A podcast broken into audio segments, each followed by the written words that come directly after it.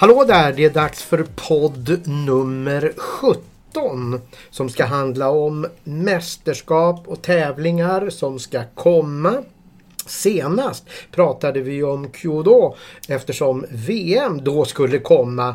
VM är nu avslutat. Vi ska till slut i den här podden ta oss an det och berätta lite vad som hände. Men vi börjar med ett VM som ska komma i Budapest och där Svedalas stolthet i den internationella idrotten Tilda Ek ska försöka försvara sitt VM-guld från senast. Det finns ju andra svenskar som är med också men den största chansen lär i alla fall väl vara Tilda Ek. Ja, men det får man väl ändå säga. Hon är ju regerande världsmästarinna. Eh, och hon går in här i VM. Eh, och eh, vi har ju som sagt också en annan trupp som vi kanske bara snabbt ska nämna.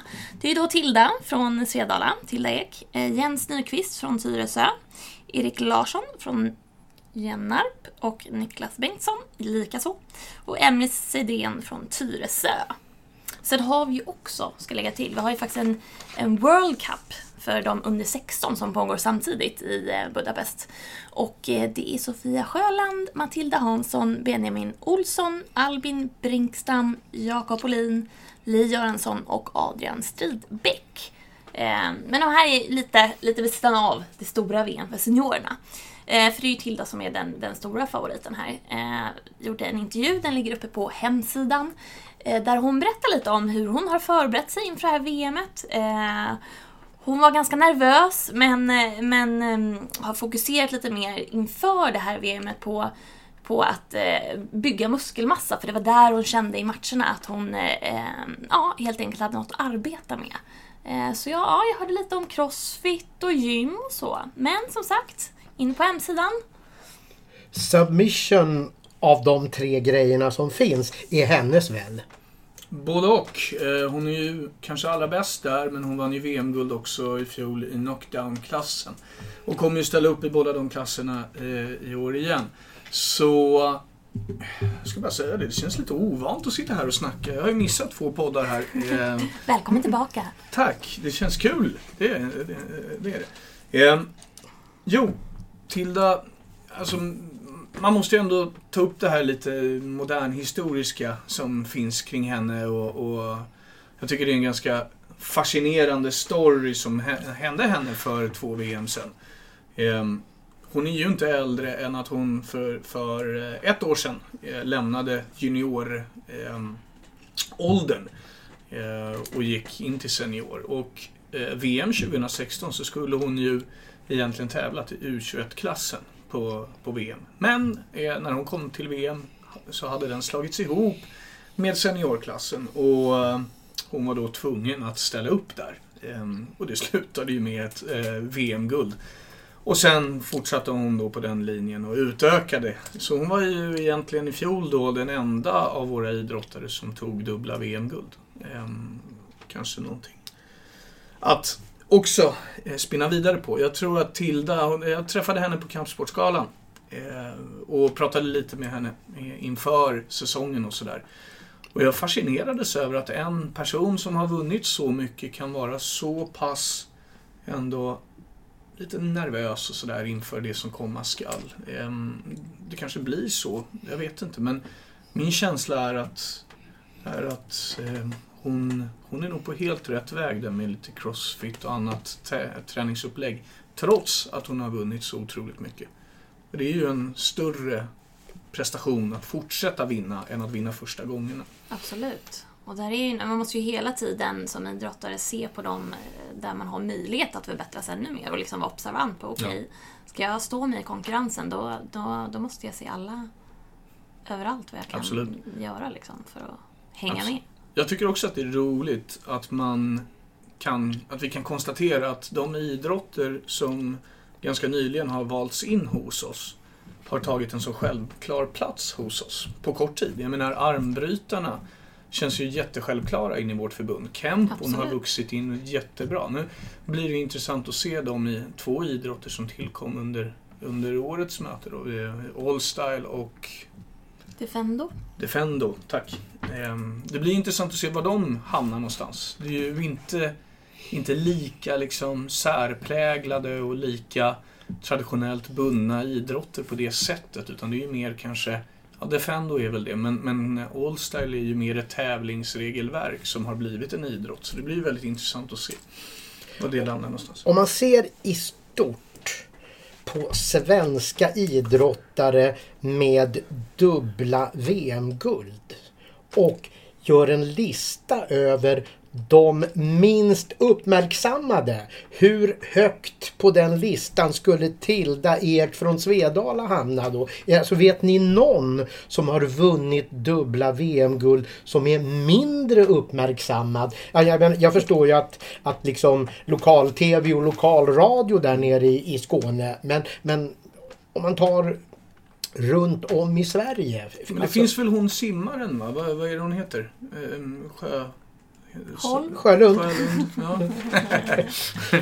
ja, nej. Nej, de vet vi ju inte om. Ja, nej, men det är en, bra- det är, nej, skämt De åsido, det, är, det är en bra, det är en bra point du har där. För att det är, nej, det finns det nog antagligen inte. Det kanske finns någon, liksom, ehm, jag vet inte, dragkampar eller någonting sånt som också har vunnit. Eller, alltså, men ja, ja det är det är en bra fråga. Det är ju... Vi får jobba ännu hårdare helt Det, men enkelt. det, det, Ja, det, det är fascinerande. Det är ganska anmärkningsvärt ändå. Alltså, dels med den bakgrunden du, du redogjorde för, för den första gången. Eh, och sen så kommer den här personen tillbaka, vinner igen dubbelt och på något sätt inte har man hört att nu är det tredje gången. Nej. Vi, vi är väl de enda som pratar om det här. Ja, jag antar det. Ja, Eh. Jag minns att eh, när Tilda vann eh, sitt första guld så uppmärksammades det ganska, ja, ganska stort ändå i media. Det var någon artikel i Expressen, det var lite Radiosporten tror jag. Ehm, och sådär. Nå, eh, SVT gjorde någonting, en liten grej på det också. Så då fanns det. Men i fjol när hon vann dubbelt så var det tämligen tyst. Ehm, och det, det, det är väl lite så i de här mindre idrotterna som, hell, alltså som idrotter inte heller är speciellt förankrade så. Jag menar Kempo. Det är kanske inte jättemånga som vet vad, vad ens Kempo är.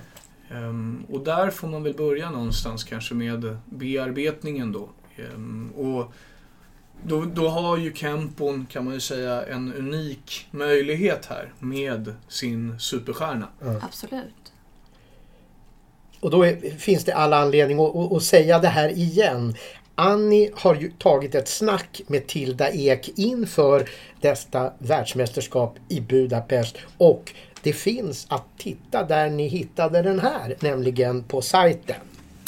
Därmed lämnar vi Kempo och går över på en annan sport där det ju finns en annan storstjärna vid namn Fredrik Widgren. Då hajar ni, det handlar om jujutsu, den sport där VM kommer att avgöras på hemmaplan i slutet av det här året. Nu till helgen nalkas Paris Open som ju är någon sorts eh, uppladdning inför det EM som ska komma i Polen. Paris Open alltså och Fredrik Widgren med flera. Vad finns det anledning att tro där? Ja, alltså eh, utifrån vad vi har sett från Fredrik så nu som under året som har gått så ser det ju väldigt bra ut. Ehm, och det kommer väl vara en liten avstämningstävling kan man säga för, för hela Ja, för eh, som förbundskapten som ska ta ut eh, EM-truppen då, då. För att se lite vad folk... Eh, hur deras eh, form ser ut och eh, vilka som får åka ner till Polen. Och, och den, den truppen kan man ju då tänka sig eh, ligger lite till grund för eh, de som kommer bli uttagna även till VM. Eh, det vet man ju, man vet ju aldrig vad som händer på vägen. Men det kan i alla fall ge en indikation på vart det barkar. När kommer de intresserade kunna hitta truppen här på sajten? Eh, ja, eh, som det är sagt så kommer truppen sättas just efter den här tävlingen i helgen. Widgren vet väl de flesta att det, det, här är ju, det här är en som skulle kunna vinna i EM-guld. Men i övrigt då bland, bland svenskar, hur, hur, hur ser det ut? William är ju inte med. Nej, alltså det är ju ett speciellt år över, överlag skulle jag vilja påstå. Det har ju blivit så även när det handlar om eh, landslaget och så. Det är väldigt fokuserat på det här VMet som kommer. Det, det, kan man ju se till att i höstas skickade vi inte någon till VM i Colombia ens i, i Sverige. Eh, och det här EMet som nu kommer i Polen eh, jag, jag, det känns lite sekundärt sådär ändå. Det känns som att EM här på något sätt är en slags uppladdning inför det som komma skall.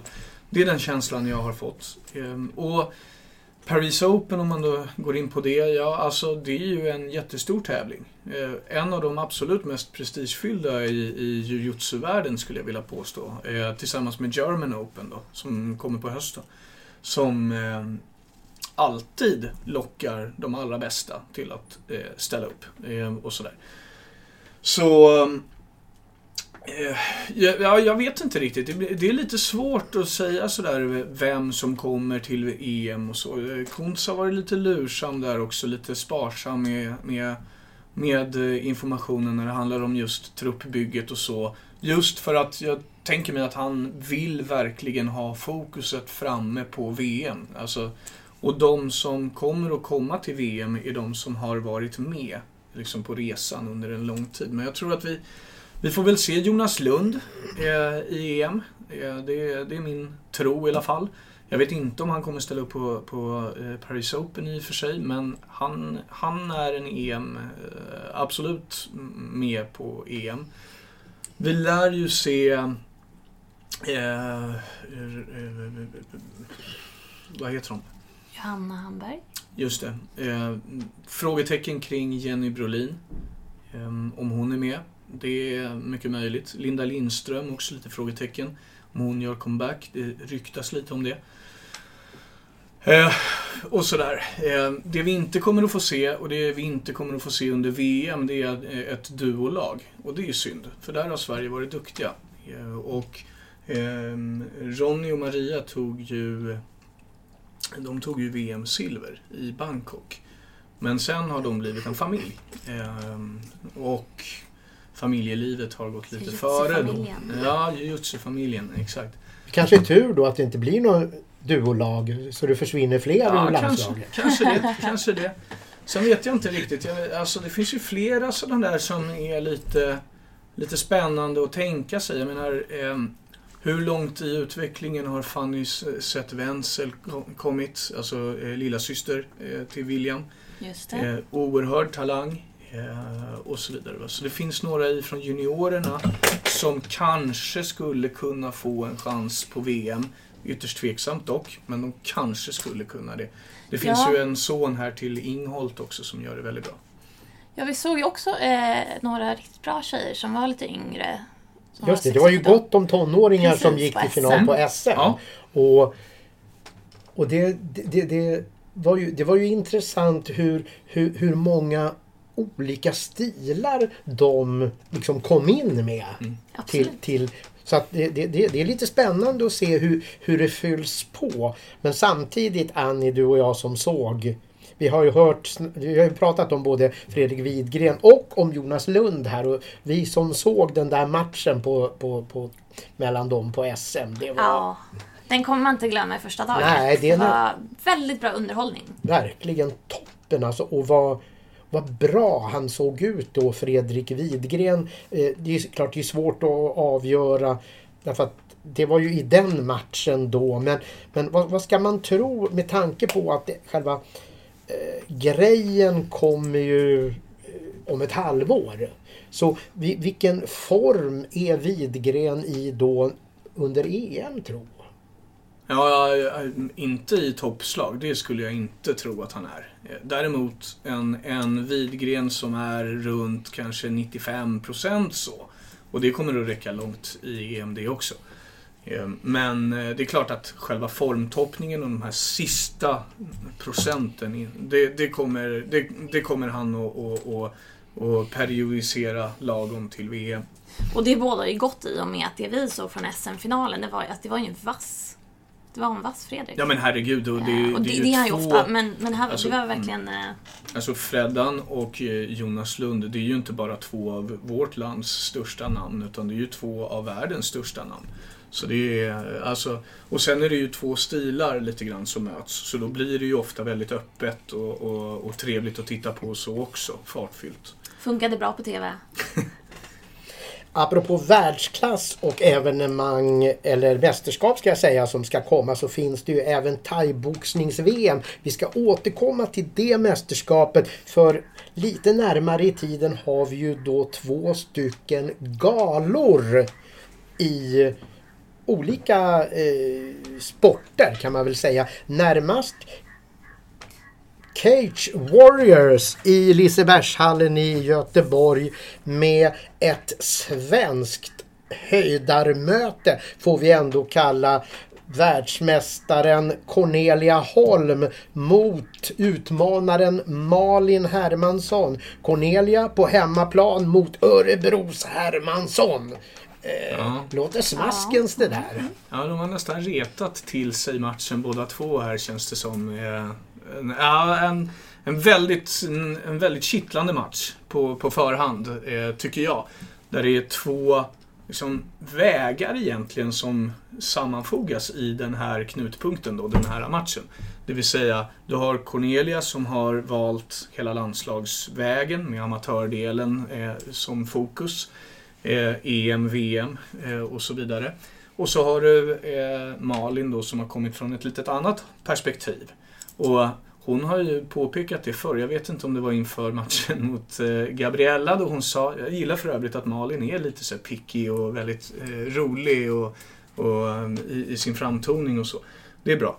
Eh, hon sa ju det att hon skulle eh, slå hål lite grann på myten om landslagen. Ehm, och, eller någonting i den stilen. Alltså, jag kommer inte ihåg exakt citat. Men det var lite kul. Ehm, så att det blir en väldigt intressant matchning på Cage Warriors.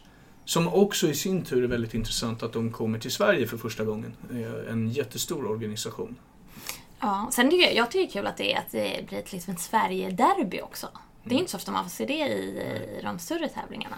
Nej precis, det är bra att, Att, de, eh, det är bra att de här tar matchen. Ja. För förr har det ju varit så att man kanske har känt att Hmm, vill jag riskera Ja, att förlora mot en från mitt land? Ja, det är inte bra för mitt record liksom. Men Mm. det här var det inget snack om det, utan här var det liksom Nu är det dags att eh, eh, liksom, ta sig an den här matchen och min antagonist här ska minsann få känna av mig, ungefär. Och det tycker jag är ett väldigt mycket bättre förhållningssätt till idrotten än att... Och det blir roligare för publiken också. Folk vill ju ha närhet sådär eh, till det man tittar på. Så att en jättespännande matchning och, och det, jag får lite tankar sådär också om jag får dra en parallell. Eh, jag minns när eh, både Mats Nilsson och Tor Troeng var på väg uppåt. De, de stod mm, alltså på väg in i UFC båda två. Och så väljer de båda att gå match på Superior i Göteborg. Eh, och mötas då mot varandra naturligtvis. Eh, eh, Tor vann den matchen över Mats Nilsson, men det slutade med att båda hamnade i UFC. Ja, det behöver inte utesluta någonting. Nej, Alltså man visar ju fortfarande upp sig. En förlust är en förlust, absolut, och en vinst är en vinst. Men det är också så att man tittar väldigt mycket på hur såg den här förlusten ut? Eller hur såg den här vinsten ut? Så att ehm, det blir ju väldigt nervkittlande som du säger med ett lite så här derby kanske. Ja, Ehm, lite och, derby. Ja, roligt. Och sen, sen är det ju två stilar som möts också mellan Hermansson och, och Holm. Där eh, Holm ehm, är väldigt liksom allround så. Gammal boxare och hela den biten. Det är ju Hermansson också. Men Holm har ju också den här eh, markgamet som en väldigt stark faktor. Och där har jag ännu så länge inte riktigt sett Hermansson vara så bra. Eh, det kanske är hennes lilla svaghet då. Eh, men å andra sidan, Eller så är det det hon har jobbat på nu som vi kommer se. Precis, hon vann ju över Gabriella som kanske är ännu mer Ja, utpräglad det. grappler än vad Holm då egentligen är. Så... Ja, Hermansson är spännande, men det är Holm också. En jättekul match. Två frågor återstår. Den viktigaste, ni har ju snackat runt själva huvudfrågan. Ni får tänka på det. Vem vinner av de här två tjejerna? Medan ni funderar på det kan ju någon av er möjligen, om ni kan, svara på frågan. Gabriella snackar om. Mm. Hur har det gått med ögat? Hon är igång och tränar lite grann nu i alla fall, Gabriella. Eh, Det var ju en oturlig och otäck skada. Ehm, Jag, jag vet faktiskt inte, men jag vet ju att hon är på bättringsvägen, men jag vet inte hur mycket den bättringsvägen liksom leder till att hon matchar igen. Det får vi ju se. Eh, Ja, eh, otroligt trist såklart, Verkligen. naturligtvis. Men Annie kollar upp det. Har du funderat på, på, på huvudfrågan här? Cornelia Holm mot Malin Hermansson. Hur lyder ditt besked om vem som vinner? Jag var ju ganska säker på att Gabriella skulle vinna över Malin. Eh, men det fick ju jag äta upp. Jag tror att Holm är lite mer allround än vad Malin är. Så jag tror att Holm... Ehm, jag tror att Holm vinner den här matchen. Och man ska heller inte... Det, det är hemmaplan, men nu vann ju Hermansson i Stockholm eh, över Gabriella och sådär. Så det är otroligt svårt att tippa, men eh, jag skulle nog tro att Holm ändå är lite bättre. Jag tror att hon vinner. Nu är ju inte det här de enda svenskar som kommer på Cage Warrior-galan. Det finns ju ytterligare det En finns, kvartett. Precis, det finns några fler. Eh, på main card har vi Allan Carlos från Halmstad. Eh, och sen har vi eh, Junior Caranta som också kör. Eh, och sen på ehm, underkortet, förutom då Cornelia och Malin, så har vi Per Franklin och Sayed Ganji. Det var det. Finns det något att tillägga apropå att Cage Warriors kommer till Sverige? Innebär det något att MMA-sporten så att säga eh, har tagit Sverige på större allvar efter ett antal framgångsrika världsmästerskap och så vidare? Jag, jag skulle säga så här. Jag tycker att det är kul att det kommer fler galor så. För att för eh, några år sedan så var det ju fler galor som arrangerades i Sverige. Nu är det ju egentligen bara två, två svenska organisationer kvar skulle man kunna säga eh, på proffssidan. Den ena organisationen uppe i Umeå Eh, med Battle of Botnia och den andra är Superior. Så att det, att det kommer en gala till eh, som håller hög kvalitet tror jag bara är bra. Så länge som det finns bra uppsättningsmöjligheter till matcher om man säger så. Vilket det gör. Eh, det börjar bli fler och fler eh, duktiga svenskar som står och pockar på proffsscenen. Vi har ju några i amatörlandslaget som, som har gått över till proffsdelen och, och letar match. Jag tänker på Serdar Altas till exempel. Och Rosten Mackman var ju en sån som gick över till Superior och går nu i maj igen till exempel. Och så. Joel Moya ytterligare en sån. Mm. En liten bit bort på gatan här från oss där vi sitter och gör det här snacket ligger ju Göta Lejon. En gammal biograf som har blivit en annan historia nu mer. eh, När, där eh, Magnus Uggla och Björn Skifs och jag vet inte allt som har utspelat sig där. Men i början på maj The Blitz Mm. med Simon och Resa som värdar för en kväll med, ja, på förhand rätt intressant spektakel. Absolut, de har ju, det är också kul att de har satsat på lite annorlunda upplägg i marknadsföringen då de eh, inte bara eh, har ett, ett bra fightcard men också de blandar både boxning och allstyle då, vår senaste idrott in i förbundet. Eh, men också att de har gjort det lite mer, eh, ska man säga, lite mer glamoröst än kanske en vanlig idrottsevenemang brukar vara. Att de har eh, till exempel då tagit in två värdar som är två otroligt bra idrottare. Eh, men också att det, det finns i programmet lite utrymme för eh, lite mingel och lite sådär loungehäng. Så det är lite... Det, är Det lite gillar man ju. Ja, men, ja, Det gillar man precis, det gillar man ju. så det ska bli väldigt kul att se den här galan. ser jag fram emot. När det gäller klassen på fighterna då, vad, vad, vad, vad finns det möjligen för höjdpunkter för den som tar sikte på mer på hur bra matcherna är än att mingla. Ja, alltså om man då bortser... Jag, jag gillar ju boxning och så, men de, de tillhör ju inte vårt förbund. Det har jag ju varit på några gånger. Men Lucy Wildheart är ju jätteduktig. Det blir ju otroligt spännande och roligt att se henne igen. Sen eh, Nisse Widlund som alltid eh, dyker upp på All Style numera. Eh, känns det som. Gör alltid en liten mini-comeback. Han är ju, alltså... Han är ju så otroligt tekniskt begåvad så att det är en fröjd att se varje gång han kliver upp i en ring eller på en matta. Det är liksom...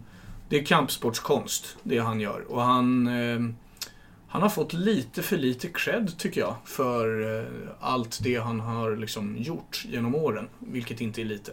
Han har ju tillhört landslag i liksom kickboxning och thaiboxning och, och wushu och alltså eh, gått på stora galor i, i Japan och sådär. Så han är ju, ja, alltså inom kampsportskretsar absolut ingen doldis. Utanför kampsporten absolut en doldis, tyvärr.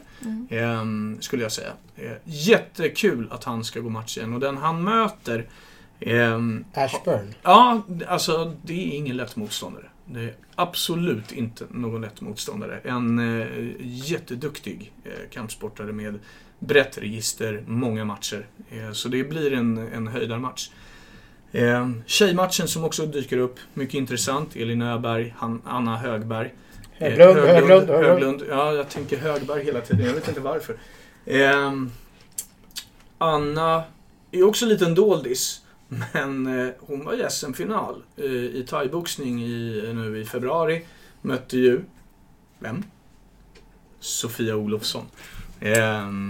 Det är, slagskeppet kommer hon ifrån. Får alltid fram duktiga. Eh, Peter Löv och de eh, jobbar jättemycket med tekniker och så. Får alltid fram tekniker. Otroligt imponerande.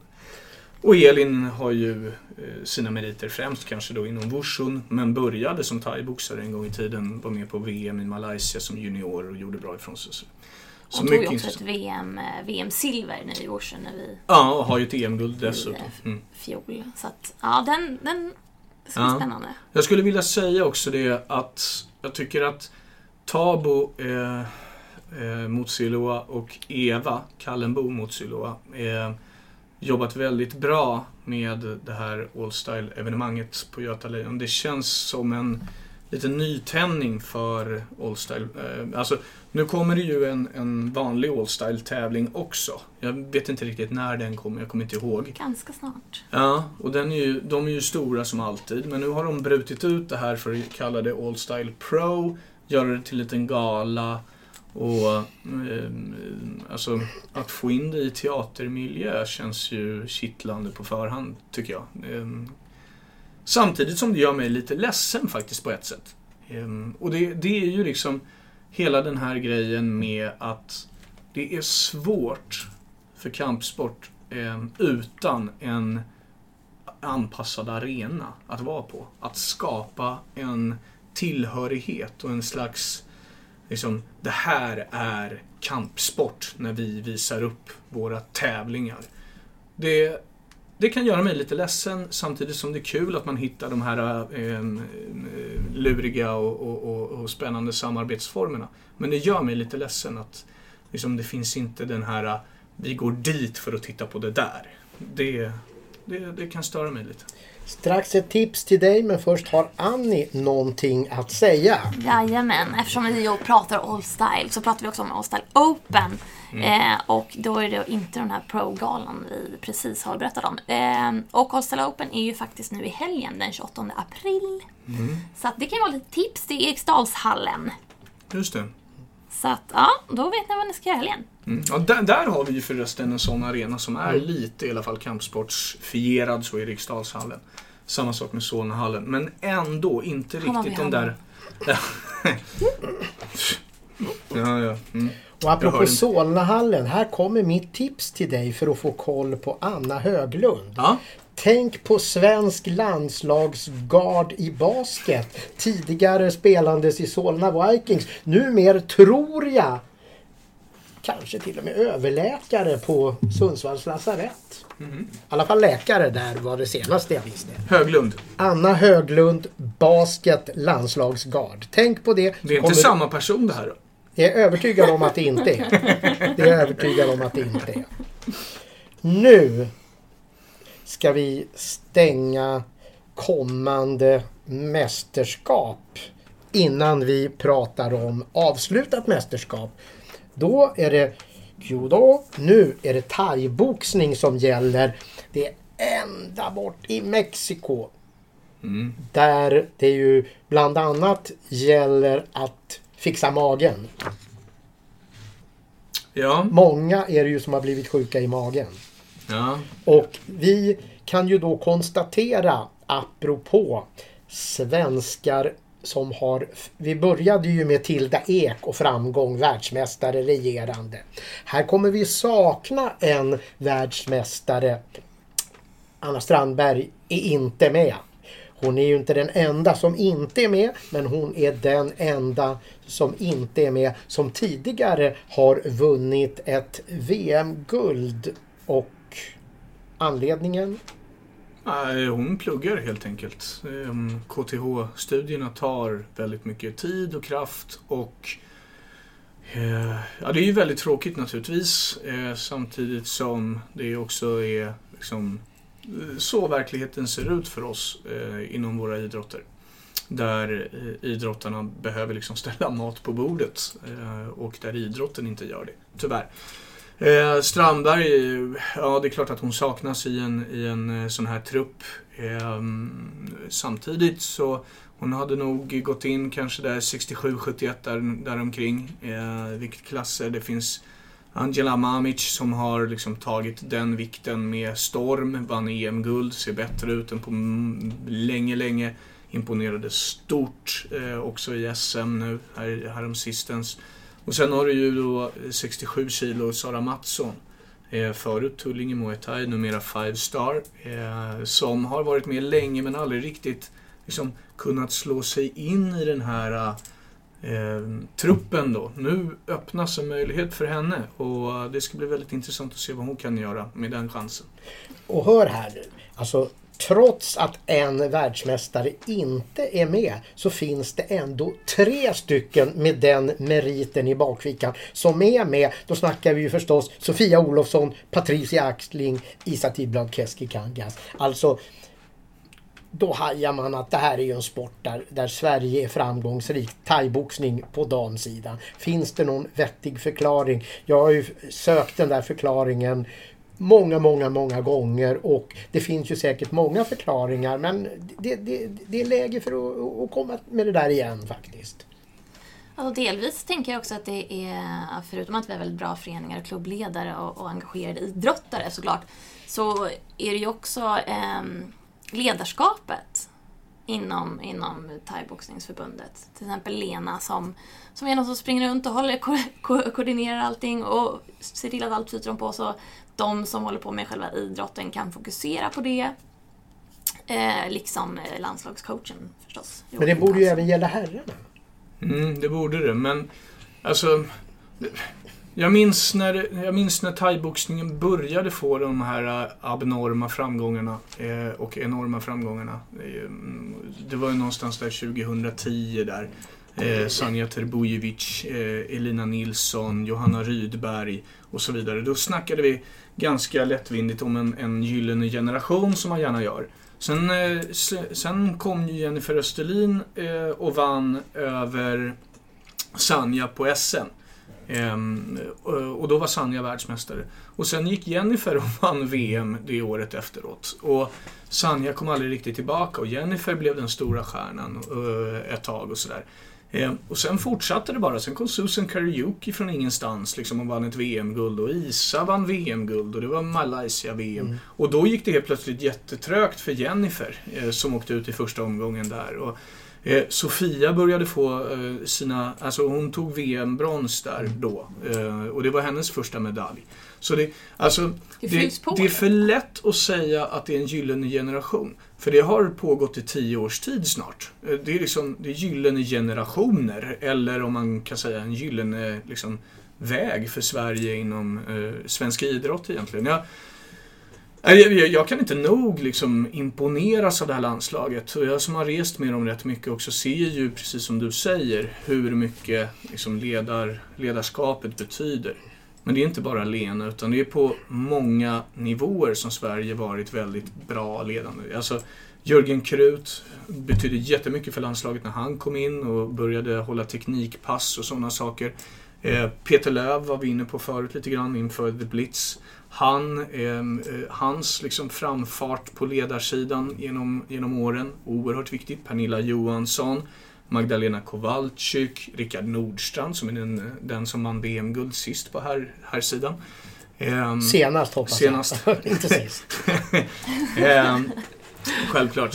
Uh, han, alltså, och sen inte att förglömma. Det, alltså, det får man inte göra. De här, alltså, gänget bakom Rumble of the Kings.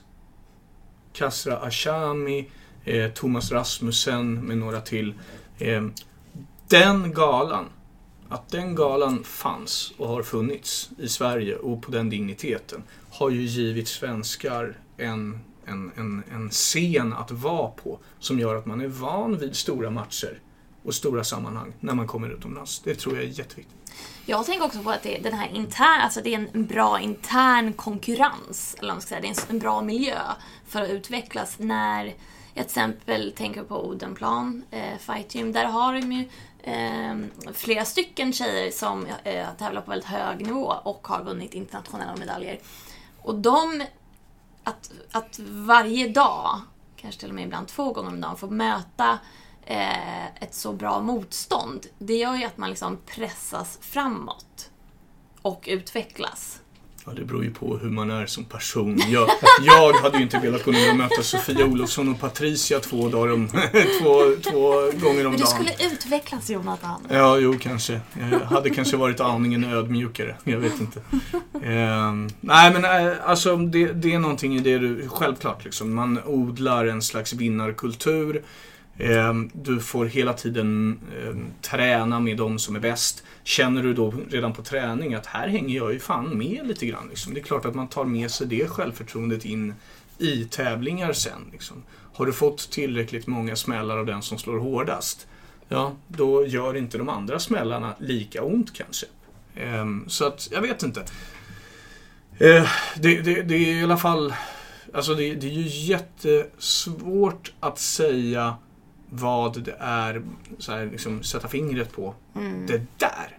Utan det har varit så otroligt många komponenter och jag har ju glömt hälften av, av det jag egentligen skulle vilja säga som är, är bra med, med svensk thaiboxning. Eh, men jag tror också själva den här uh, grejen i landslaget att du som um, uttagen idrottare får ta med dig din egen ledare, din egen coach, till VM och EM.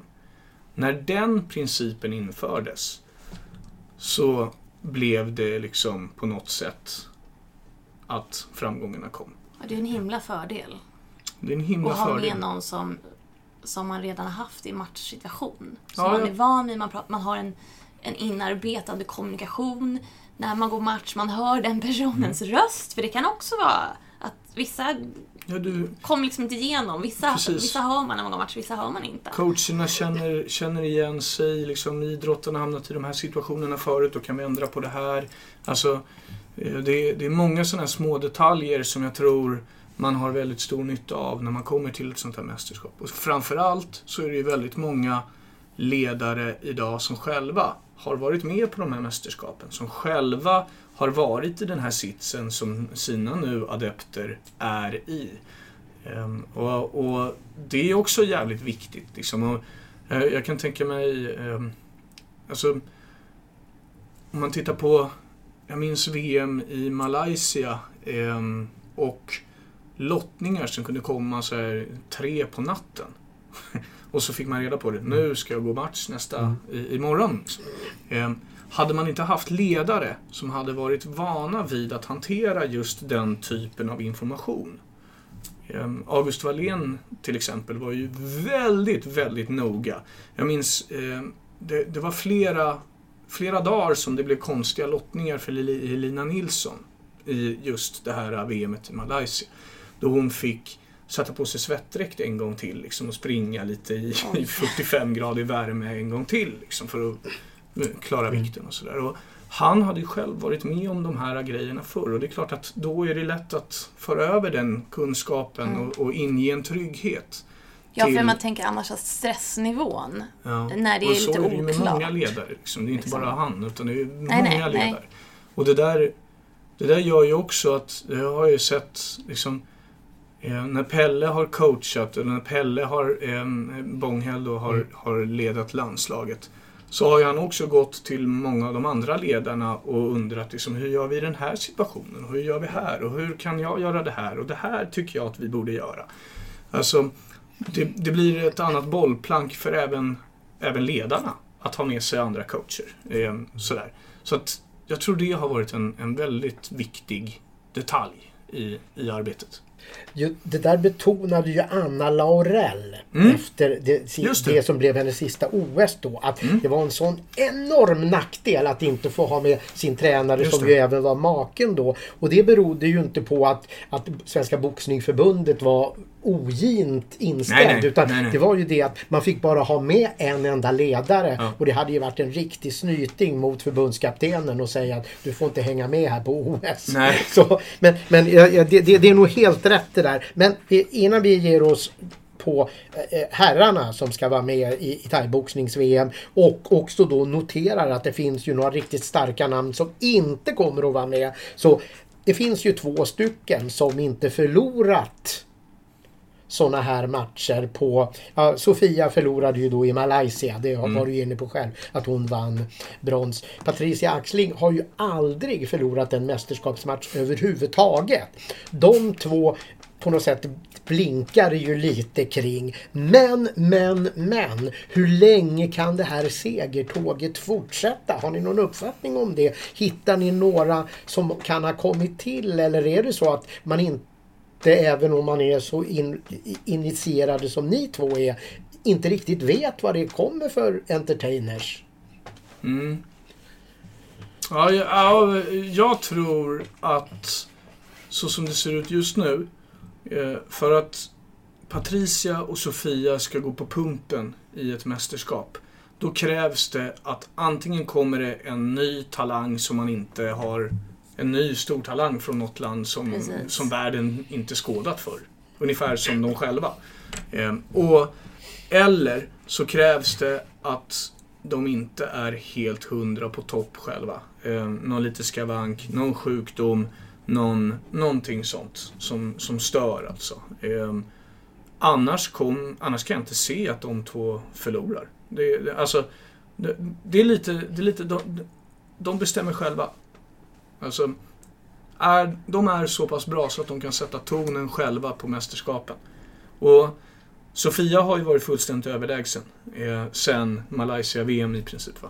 Eh, Patricia har ju haft andra liksom, resor fram till VM, där hon, eh, fram till gulden, där hon vänt matcher när hon har legat i underläge ofta.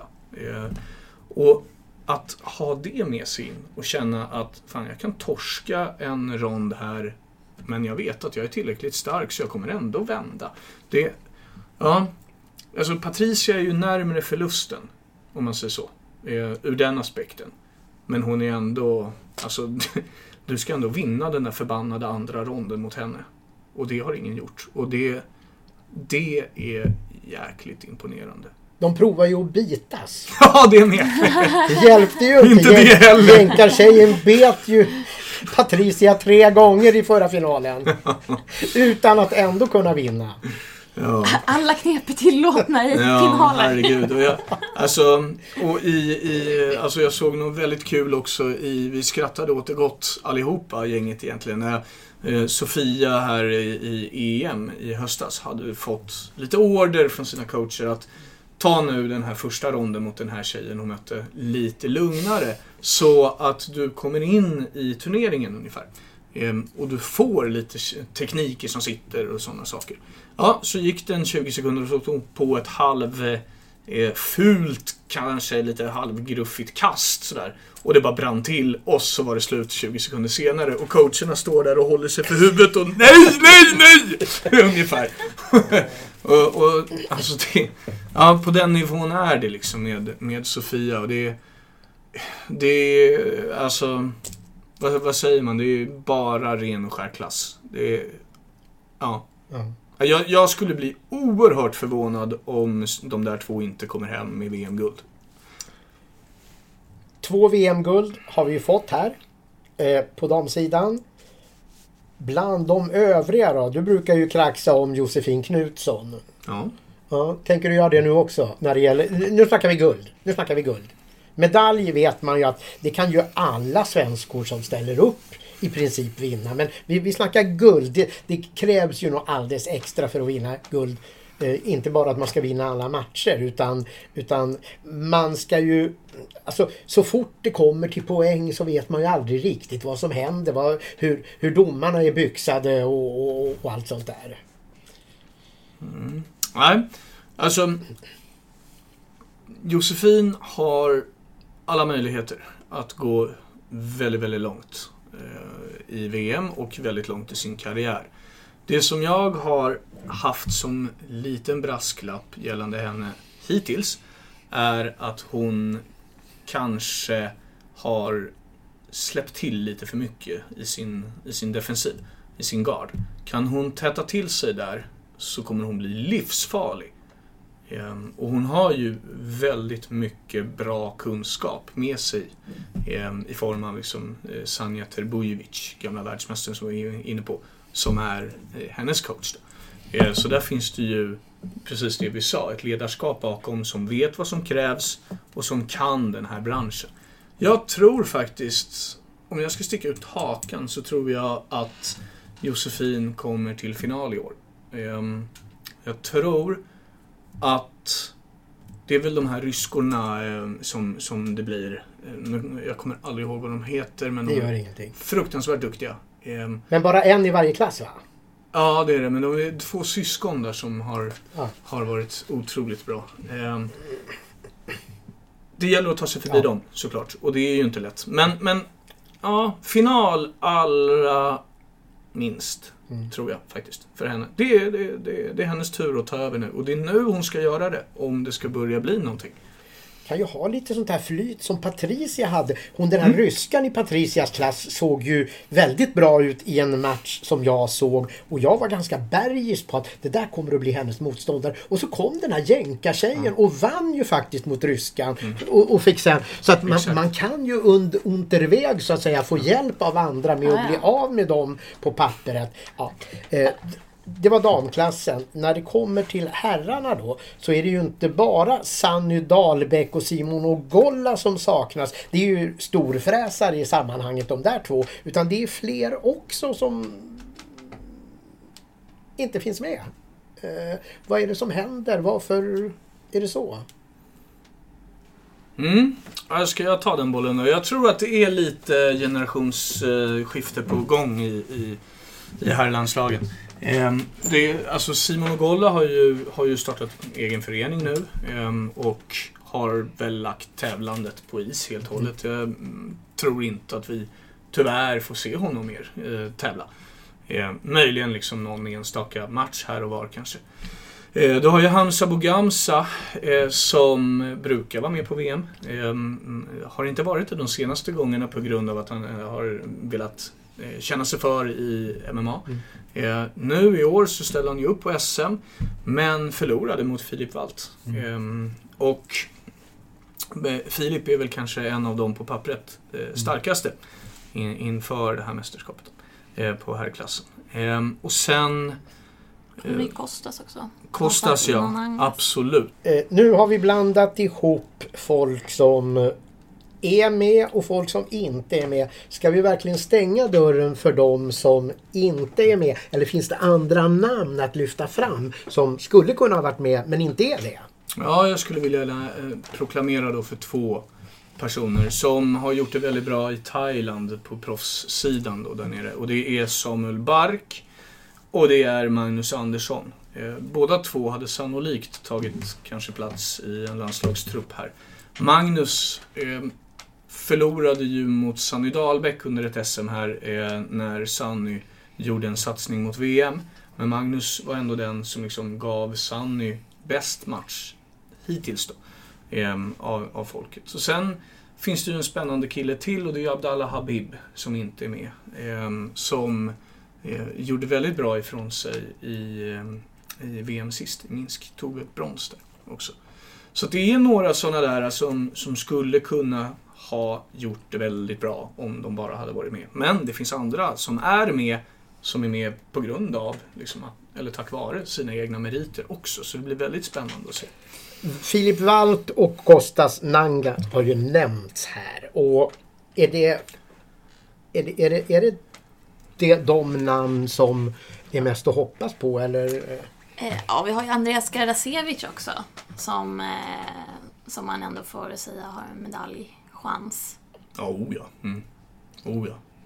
Eh, och sen har vi, vi har ju, det är ju det är bra herr, herrlag som åker ner. Det är ju, förutom de vi har nämnt så är det Jonathan Åman, Mattias Jonsson, Nils Olsson, Adel Ekvall, Marcus Sudin, Lin, Liljedorf och eh, ja, då som vi har nämnt Filip Kostas och Andreas. Mm. Så att det, det finns ju alltid utrymme för överraskningar. Absolut. Och de är ju väldigt ja, kompetenta. De är väldigt kompetenta skulle jag säga. Om man tittar på Mattias Jonsson till exempel så eh, hans höger, eh, där kommer folk få problem. Om han får utrymme med högen så kommer det göra ont för folk. Och det har det gjort för eh, på SM-nivå och så för folk. Eh, väldigt spännande start tycker jag. Eh, Adel Ekvall är en sån här som var en, en lovande junior. Som nästan alltid gjort bra ifrån sig men får stått lite i bakgrunden för Sunny Dahlbäck och sådär. Nu vann Adel sin, eh, sitt SM-guld här eh, och får sin plats rättmätigt. Eh, även om Sunny då eh, skadade sig oturligt och eh, väldigt tråkigt såklart. Men Adel är ju väldigt spännande. Ehm, kanske inte en sån som går hela vägen. Eh, men ehm, en sån som absolut har liksom, kvaliteter och bli en sån här jätteöverraskning. Lex Gardasevic då. Eh, och sen har vi Nils Olsson, som man absolut inte får glömma. Det är ju, om vi återgår till det här härliga Malaysia-VMet så är ju Nils Olsson den enda svensk som någonsin vunnit ett JVM-guld. Så han vet ju hur det är att vinna de här tävlingarna. Eh, även om han inte har gjort det på seniornivå. Och det är ju en entertainer om något. Så att Nils kommer ha en fantastisk karriär även om han kanske inte vinner sitt VM-guld.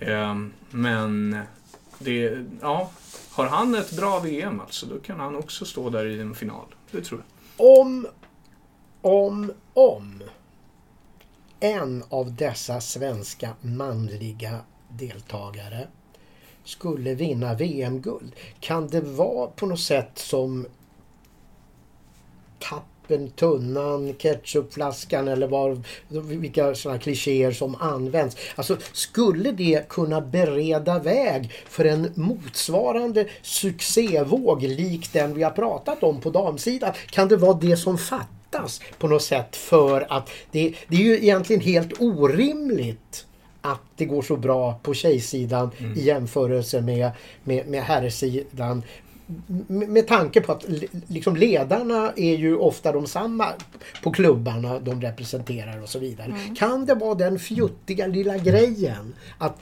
det är så länge sedan en svensk vann ett thaiboxnings-VM-guld att det skulle kunna öppna alla fördämningar till succé? Eller, eller är, är det för, för enkelt att tänka så?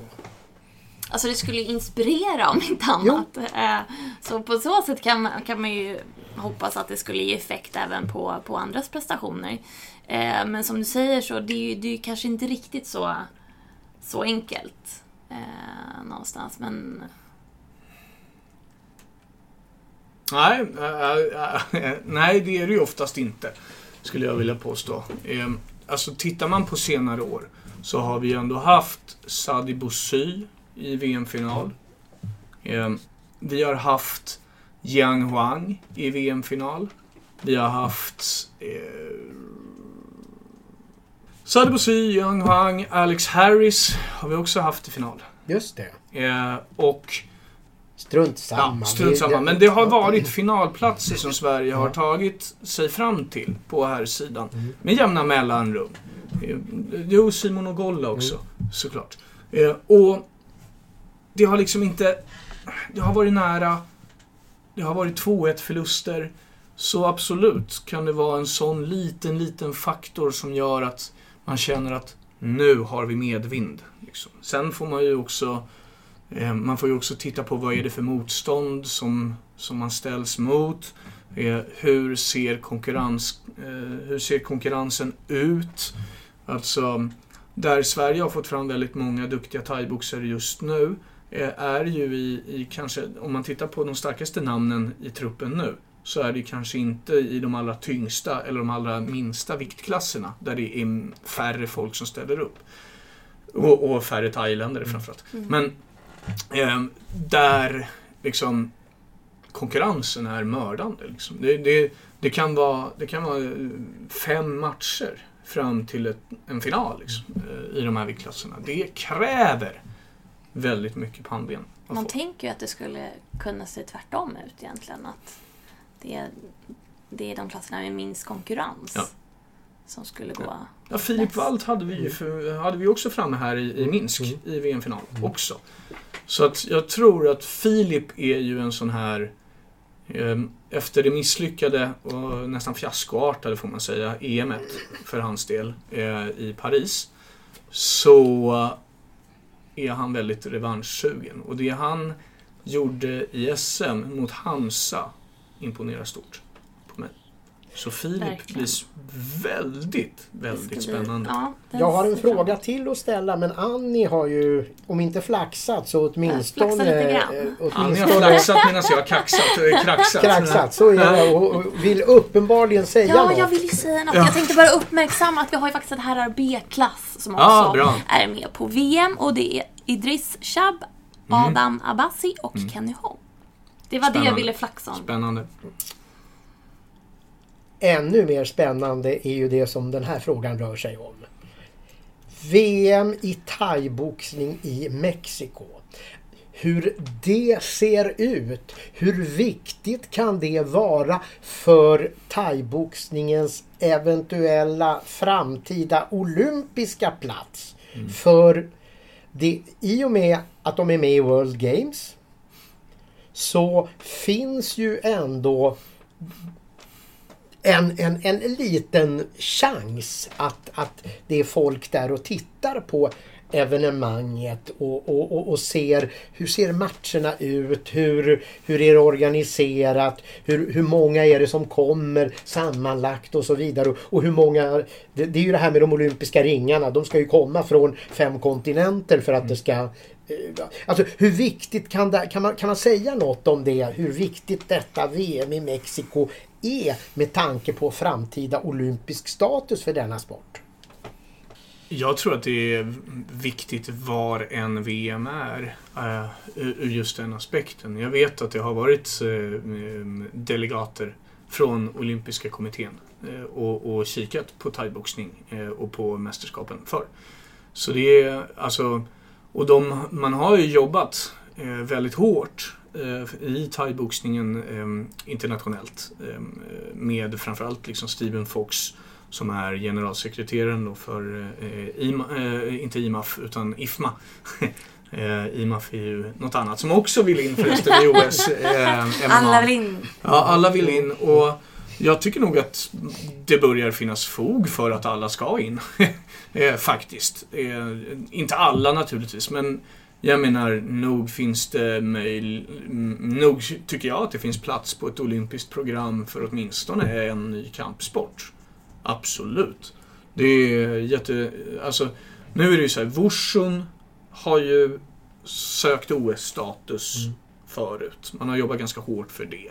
Du har kickboxningen som gör det. Du har eh, thaiboxningen som gör det och du har MMA som gör det och du har flera andra som gör det hela tiden också. Och Kampsporterna är på, frammarsch alltså, både intressemässigt och som du säger, det här med spridning.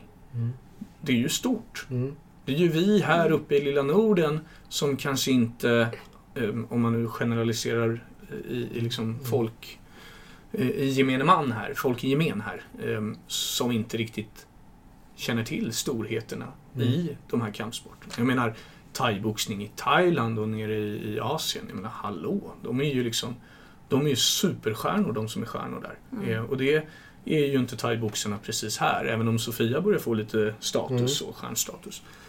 Så är det ju långt ifrån liksom den statusen. Och tittar man då exempelvis på, ja, tar man bara liksom en helt annan sport och, och tittar på kendo. Mm. Eh, som jag hade förmånen att besöka deras VM eh, som var i Tokyo.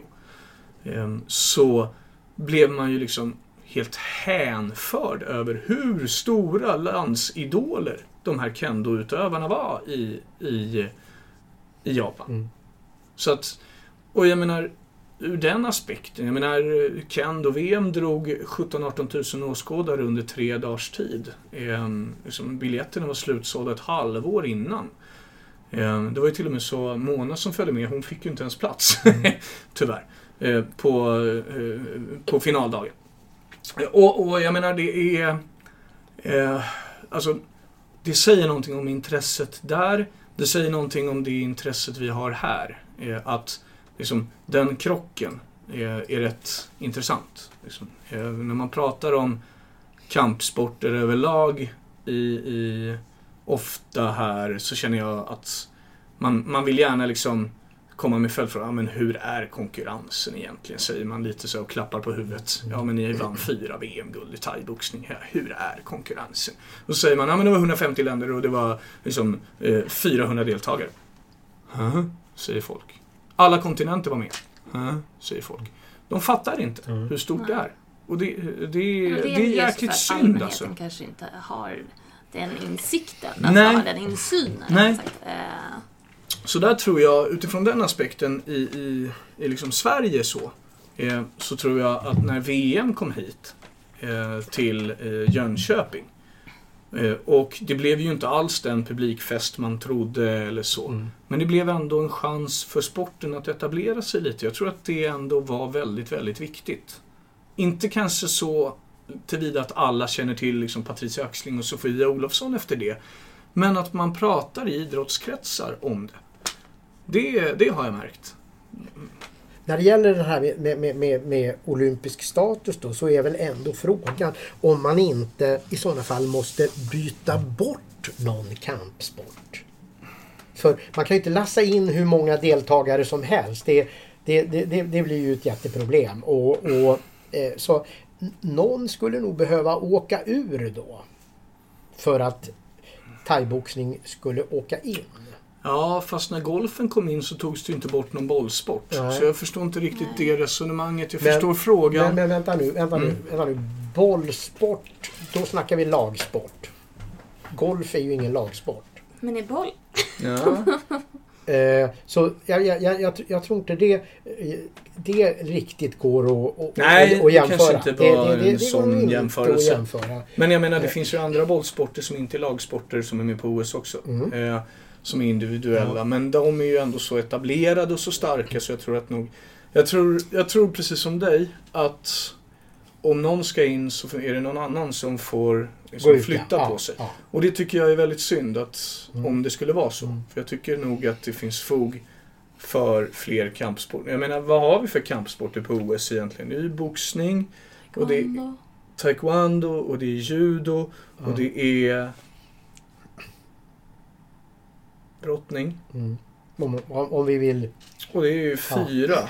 Ja. Fyra sporter. Fäktning kanske kan möjligen komma in där. Men det är fyra sporter. Bara i vårt förbund har vi 30.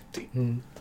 Alltså brottning och boxning har ju, har ju med sig den fördelen att de är så ursprungliga. Absolut. Däremot så är det ju så att inom brottningen finns det ju, är det ju snack då om att ta bort det här grek-romerska. Det är för bökigt och för... Det är alltid klagomål på har, har rätt brottare vunnit verkligen? Och, och, och efter varenda stort mästerskap så är det ju bråk om, om domarna.